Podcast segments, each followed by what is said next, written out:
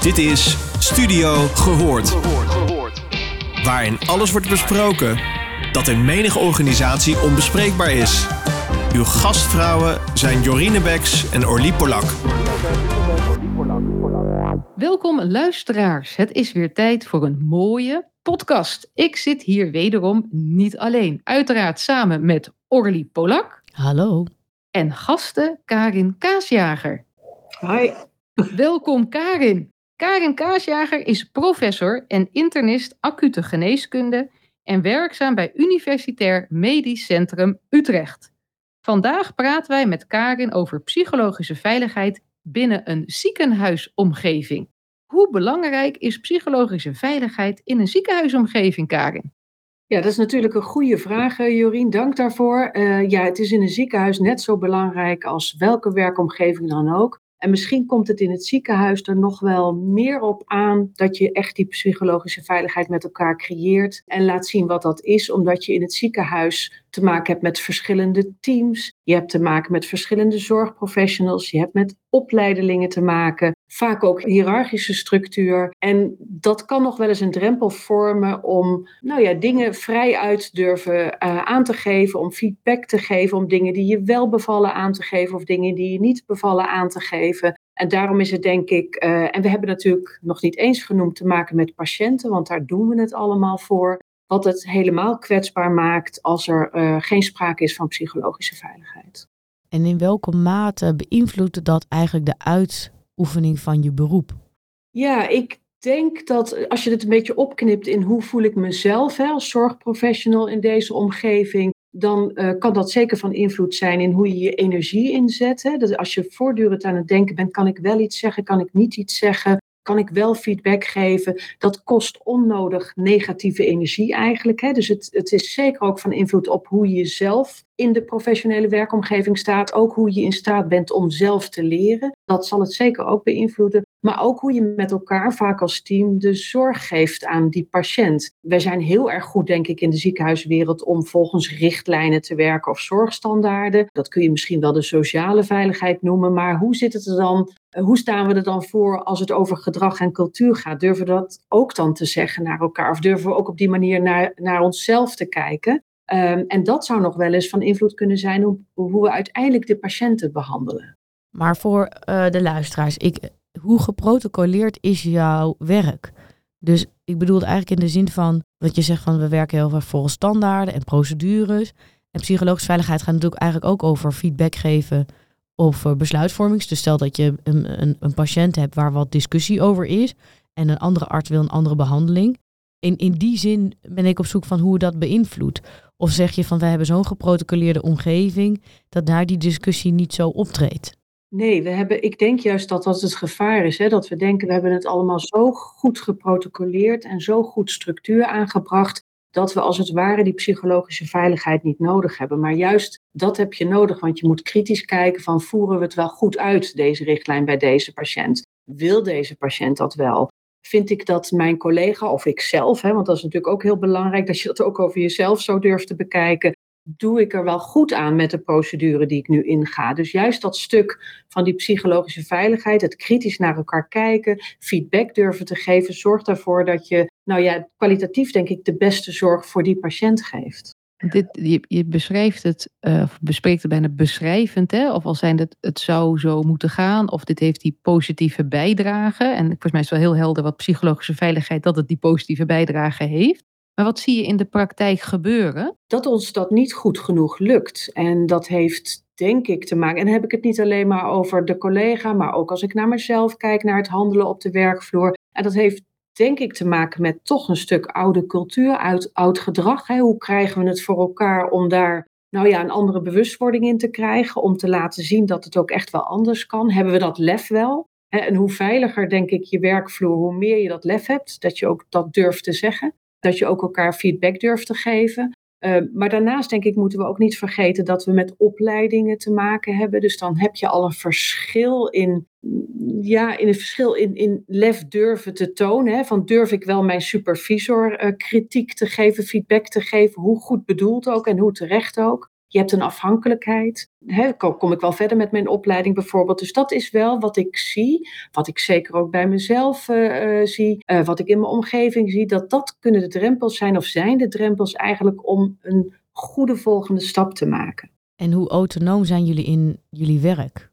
Omdat ik denk misschien de medische wereld, net als de aviation, wel het meest geprotocoleerde omgeving is. Dus ja, hoe vrij ben jij om je eigen pad en je eigen gang te gaan? Of zit daar ook een soort bent... senioriteit dan weer in? Mm, nou, dat hoop ik eigenlijk niet. Hè? Want, want de basis, dat zijn die protocollen en richtlijnen enzovoort. En daarnaast moet je je vak zeg maar kundig uitoefenen en openstaan voor feedback van de omgeving of zelf kritisch kijken.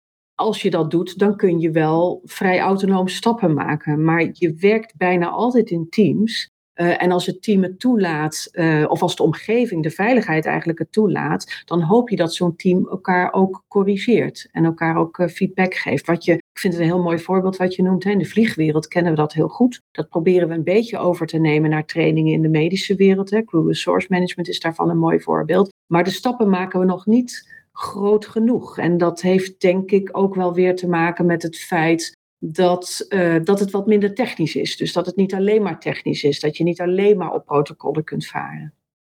En de toezichthouder? Hoe, hoe, hoe, heb je daar zo last van? Want ik kan me heel goed voorstellen dat je psychologische veiligheid ook onder druk staat doordat iedereen iets vindt van de medische sector. Dat als je een fout maakt en er overlijdt iemand of je hebt een misser, die wordt je zwaarder aangerekend dan dat er een koekje van, van de lopende band bij de koekjesfabriek valt.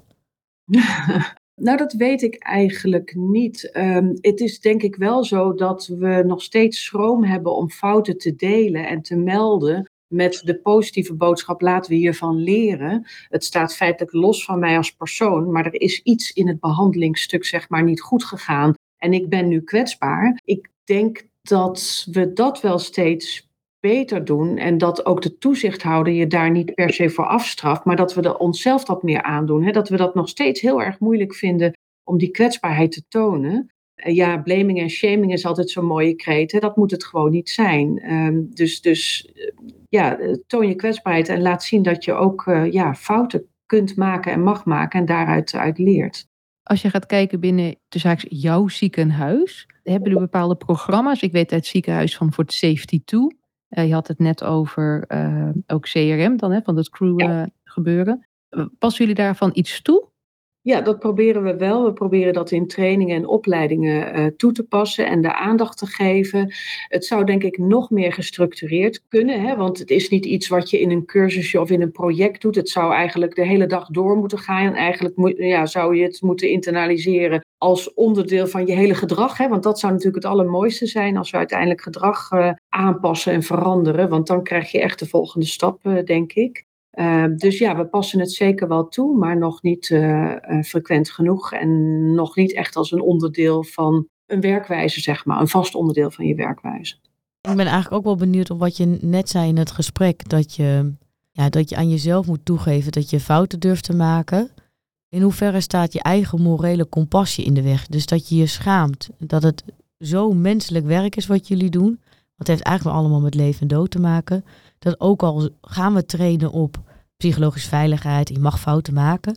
Dat jij je van mens tot mens, gewoon, gewoon jij Karin en ik Orly, het gewoon zo erg vindt op menselijk niveau. Dat je er zelf niet mee eigenlijk uit de voeten kan. Dus dat je naar huis rijdt Kijk, als ik naar huis rijd en ik heb een spelletje verpest, is er niks aan de hand. Er is niemand overleden. Maar hm. als jij naar huis rijdt, je hebt een verkeerde beslissing genomen en er is daadwerkelijk iemand overleden, dan denk ik dat je een hele koude bent als je dat niet dwars gaat zitten. Dus dat, dat neem je mee. Dat, dat, dat, dat neem je mee in de auto. Dat neem je mee als je je tanden poetst. Als je opstaat en gaat slapen. Ja. Is dat niet ook iets wat je enorme struggle is in die psychologische veiligheid bij jullie? Nou ja, de struggle weet ik niet. Kijk, dit overkomt ons allemaal. Ik weet zo, ik kan nog steeds, weet ik, wanneer ik zeg maar zoiets heb meegemaakt met de patiënt door mij toedoen. Um, en dat, dat, blijft altijd, hè, dat blijft je altijd bij. Want we zijn nou eenmaal opgeleid dat je altijd beter, hè, de patiënt beter wil maken, goed wil begeleiden enzovoort. En zeker als het een fout is. Hè, soms kun je ook aan een complicatie niks doen. Maar als je het verkeerd hebt ingeschat of wat dan ook, wat ik inmiddels weet en ook, ook daadwerkelijk heb meegemaakt, is dat, je, dat het heel goed is om dat juist te delen. Dat kan al bijna helend zijn voor jezelf. Maar dan kun je ook laten zien van kijk, ik ben kwetsbaar, we kunnen hiervan leren. En om het op die manier op te pakken, is het juist heel positief, zeg maar, om fouten te delen.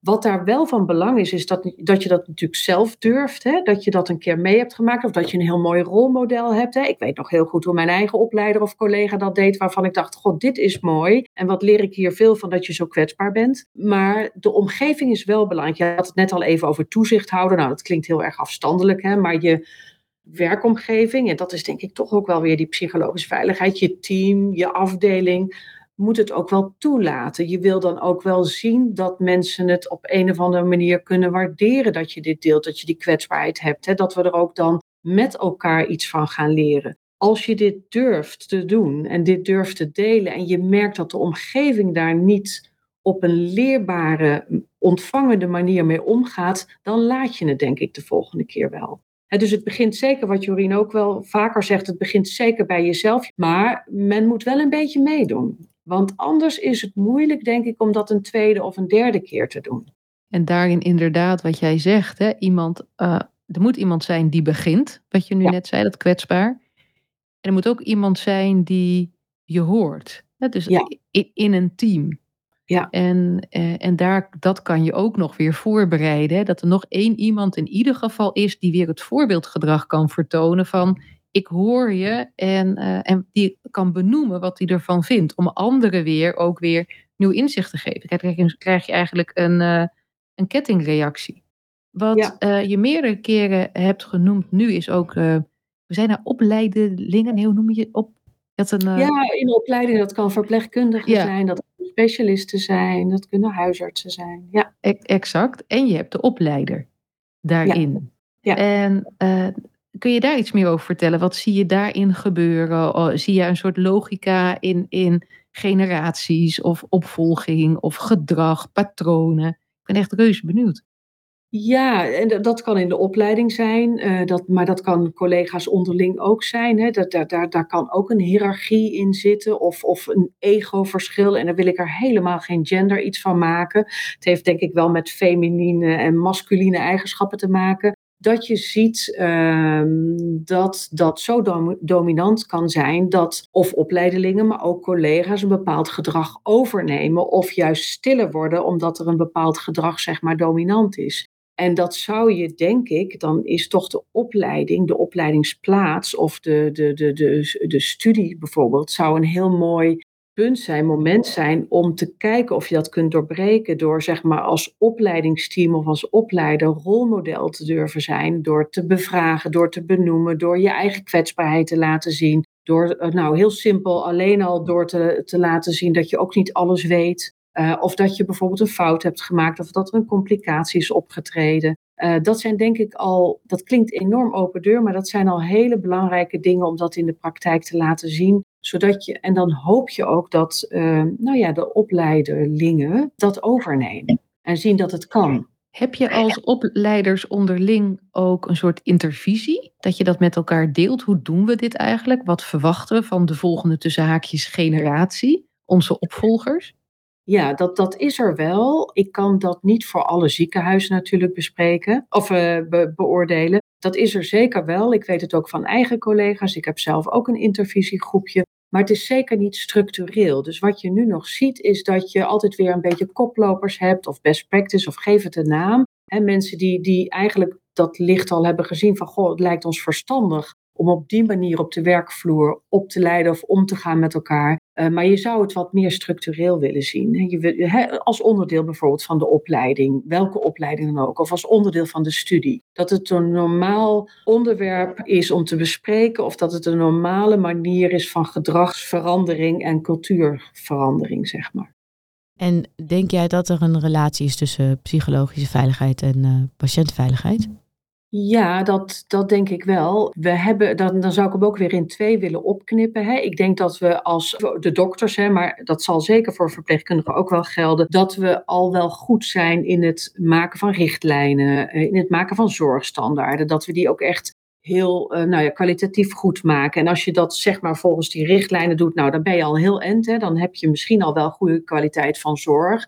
Maar dan gaat het nog om het uitoefenen. En doe ik het wel goed in mijn team? En doe ik het wel goed voor deze patiënt? En dan komt dat stukje psychologische veiligheid uh, om de hoek kijken, of een belangrijk stuk. van durf ik wel tegen mijn supervisor te zeggen van hé, hey, maar dat hoort eigenlijk niet zo. Of heb je daar wel eens aan gedacht? Of dat ik tegen mijn collega durf te zeggen van nou, ik, ik denk dat het anders zou moeten. Of laten we, hè, laten we het bespreken. Of dat ik gewoon naar mezelf ook kijk. Weet ik het wel goed genoeg en moet ik er niet een collega bij halen? En dat is denk ik een heel belangrijk stuk waar je de patiëntveiligheid helemaal mee afmaakt op de juiste manier. Als ik jou beluister, dan speelt het probleem zich vooral rondom de diagnose af, die psychologische veiligheid, of ook, of ook andere fasen in de zorg? Nee, andere fasen ook. Eigenlijk, je, je, je werk als zorgprofessional, dat doe je beter, zeg maar, voor die patiënt, maar ook uiteindelijk voor jezelf, denk ik, als er psychologische veiligheid is. Dus dat is een hele traject. Dat kan de diagnose zijn, maar dat kan ook zijn hoe benader ik een patiënt. Eigenlijk het, het mee laten kijken of het zelfkritisch durven te zijn naar je eigen handelen. En dat kan het hele traject zijn. Dat maakt feitelijk niet uit. Dat kan ook de omgang zijn met je collega's bijvoorbeeld. En als je daarvan tegen elkaar wat durft te zeggen, dan, ehm, ja, dan, dan, dan ben je altijd een betere zorgprofessional en komt dat altijd ten goede, denk ik, van de patiëntveiligheid. Heb, heb jij voorbeelden concreet van jezelf dat je denkt, hé, hey, maar op dat moment heb ik het gezegd, of andersom, nog leuker, want je bent toch professor. Uh, dat je van, dat was echt een moment, oeh, het deed wel even pijn, maar hij of zij had een terecht punt. Het is, en, en dat, ja, heb, je, heb jij voorbeelden? Oh ja, voorbeelden genoeg, maar dan zou ik even wat tijd moeten nemen. Maar ik weet zo al voorbeelden genoeg. En professor heeft er helemaal niets mee te maken, kan ik je verzekeren.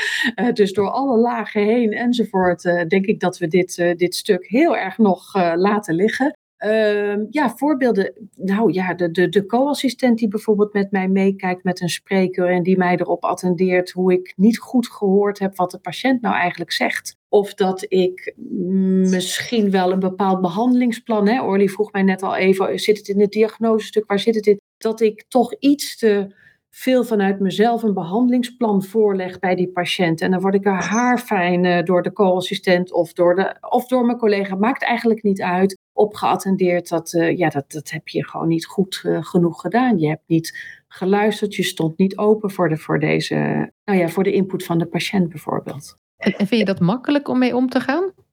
Nee, ik zou nu eh, echt een hele grote meid zijn door te zeggen: nee, natuurlijk moet altijd kunnen. Nee, als ik heel eerlijk ben, dan moet ik altijd even slikken. Want ja, wie wil er nou niet de hele dag horen van: Goh, wat ben je toch eigenlijk een leuk mens? En wat doe je dat leuk, eh, bijvoorbeeld? Nee, natuurlijk ben, ben ik dan even en ik moet ook wel eerlijk zeggen dat ik mezelf er wel eens op betrap dat ik dan denk, zal ik hier nu tegen ingaan? Nou, dat doe ik gelukkig niet. Om je bijvoorbeeld zelf te verdedigen of zo. Niks mensen is ons vreemd. Maar ik ben daar elke keer weer blij mee, want dan ontstaat er toch een heel leuk contact. En ik vergeet het ook niet meer. Ik heb de volgende keer dat ik bijvoorbeeld in zo'n situatie zit, dan zit dat ergens achter in mijn hoofd. En dan maakt het me helemaal niet uit of dat de professor was, of mijn leidinggevende, of de co-assistent. Het doet iets met je en je vergeet het niet meer. Dus ik denk dat het altijd tot iets beters leidt als we dit durven te zeggen tegen elkaar. En maak je het ook inzichtelijk, zeg maar meetbaar? Meet jij op een eh, weet anonieme vragenlijst of iets dergelijks in hoeverre mensen open en eerlijk tegen jou dingen durven te zeggen of aan je durven te vragen?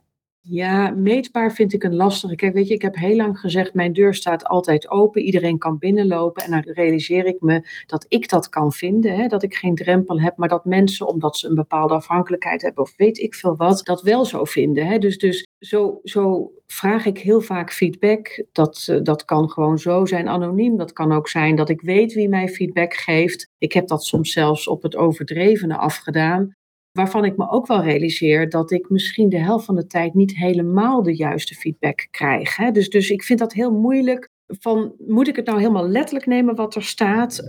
Of is het een aanzet tot kwetsbaarheid te tonen? En ik denk als ik dat al heb bereikt, dat mensen zien van hé, hey, ze is in ieder geval kwetsbaar. Of ze laat zien dat het nou, misschien wel een normaal onderdeel kan zijn van het werken met elkaar. Van goh, geef mij nou eens even feedback. Hoe vond je nou hoe ik het deed afgelopen week? Ik noem maar wat dat dat al een kleine beweging is. En nogmaals, tegelijkertijd realiseer ik me zeer dat als ik de feedback lees, dat het misschien niet, uh, hè, dat het positieve, dat zal makkelijk geschreven worden, hè, maar het kritische natuurlijk, dat dat niet altijd even makkelijk is om dat op te schrijven. En dat kan deels met jezelf ook te maken hebben, maar deels ook omdat we het gewoon moeilijk vinden met elkaar om dat te tonen. Dat is wel een heel mooi voorbeeld als een soort eerste wat is de eerste stap die je kunt zetten ook? Hè? Dat is ook voor de luisteraars van, joh, dit, dit gaat over een ziekenhuis, maar dat kan natuurlijk in alle werksituaties. En kijk, wat je ook zei, het maakt niet uit wie je bent. En vanuit jouw optiek, hè, van ja, weet je, ik ben professor nou en. Maar wat met die hiërarchie natuurlijk zit, wat je terecht zegt, dat is voor een ander toch van ja, ja, ze is wel professor. Ik vind het een heel mooi voorbeeld dat je zegt door het te doen, uh, het positief op te reageren, kwetsbaarheid erin te tonen en te blijven vragen, wordt het misschien een soort nieuw normaal om een nieuw patroon, een nieuw geitenpaadje te creëren. Ja, ja. Mooi. En is dat ook eigenlijk hoe jij kijkt naar de beroepsopgave?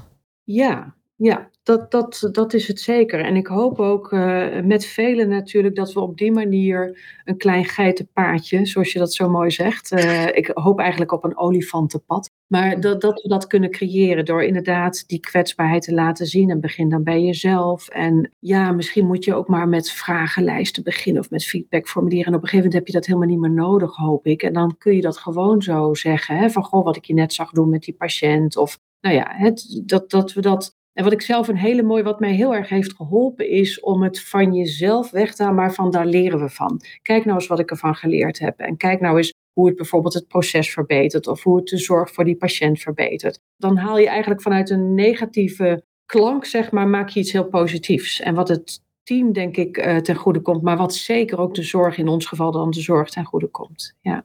Mooi, dankjewel voor deze mooie podcast. Ja, dankjewel Karin. En uh, je hebt me ook weer aan het denken gezet in positieve zin.